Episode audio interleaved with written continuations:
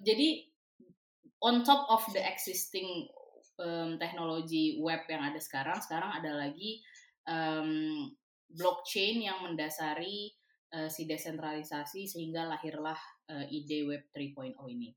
Terus um, kalau hubungannya sama metaverse apa tadi? Or maybe what what is metaverse itself? Metaverse uh, sama kayak Web 3.0 uh, at, this at this point mungkin masih dalam bentuk jargon ya, jargon uh, uh-huh. ya marketing material gitu. Uh, market metaverse itu bisa dibilang ya virtual world uh, di dianggap ya next iteration dari internet juga gitu. Um, mm. Meskipun in a way sebelum ada sebelum uh, Web3 populer, NFT populer, ya udah ada si si uh, virtual world ini di di dunia game udah banyak yeah. kan di MMO Betul. gitu. Terus dulu kalau kalau pernah dengar ada game namanya Second Life. Nah itu literally bukan game buat entertainment, ya Second Life.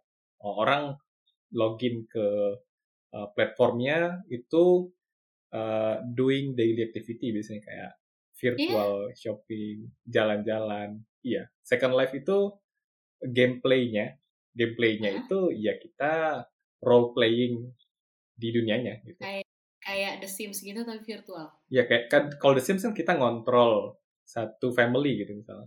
Uh. Kalau Second Life kita yeah. ngontrol satu karakter. Kayak memo aja sih. Oh, oh oke. Okay. Kalau huh? uh, di, di science fiction mungkin kayak Ready Player One itu movie, bisa ya? dibilang metaverse mungkin. mungkin. Nah. Um, jadi kalau um, aku ngebayanginnya metaverse ini sama the definition of Web3 kan sebenarnya sering disebutin well gue sih kak pertama kali baca ini tuh hmm. bingung hmm. gitu loh jadi Web3 itu apa NFT, uh, eh, metaverse tuh apa kenapa sering muncul akhir-akhir ini terus apakah Web3 itu yang mendasari metaverse atau metaverse itu yang mendasari Web3 tapi makin ke sini makin gue baca gue dapat bayangannya itu hmm.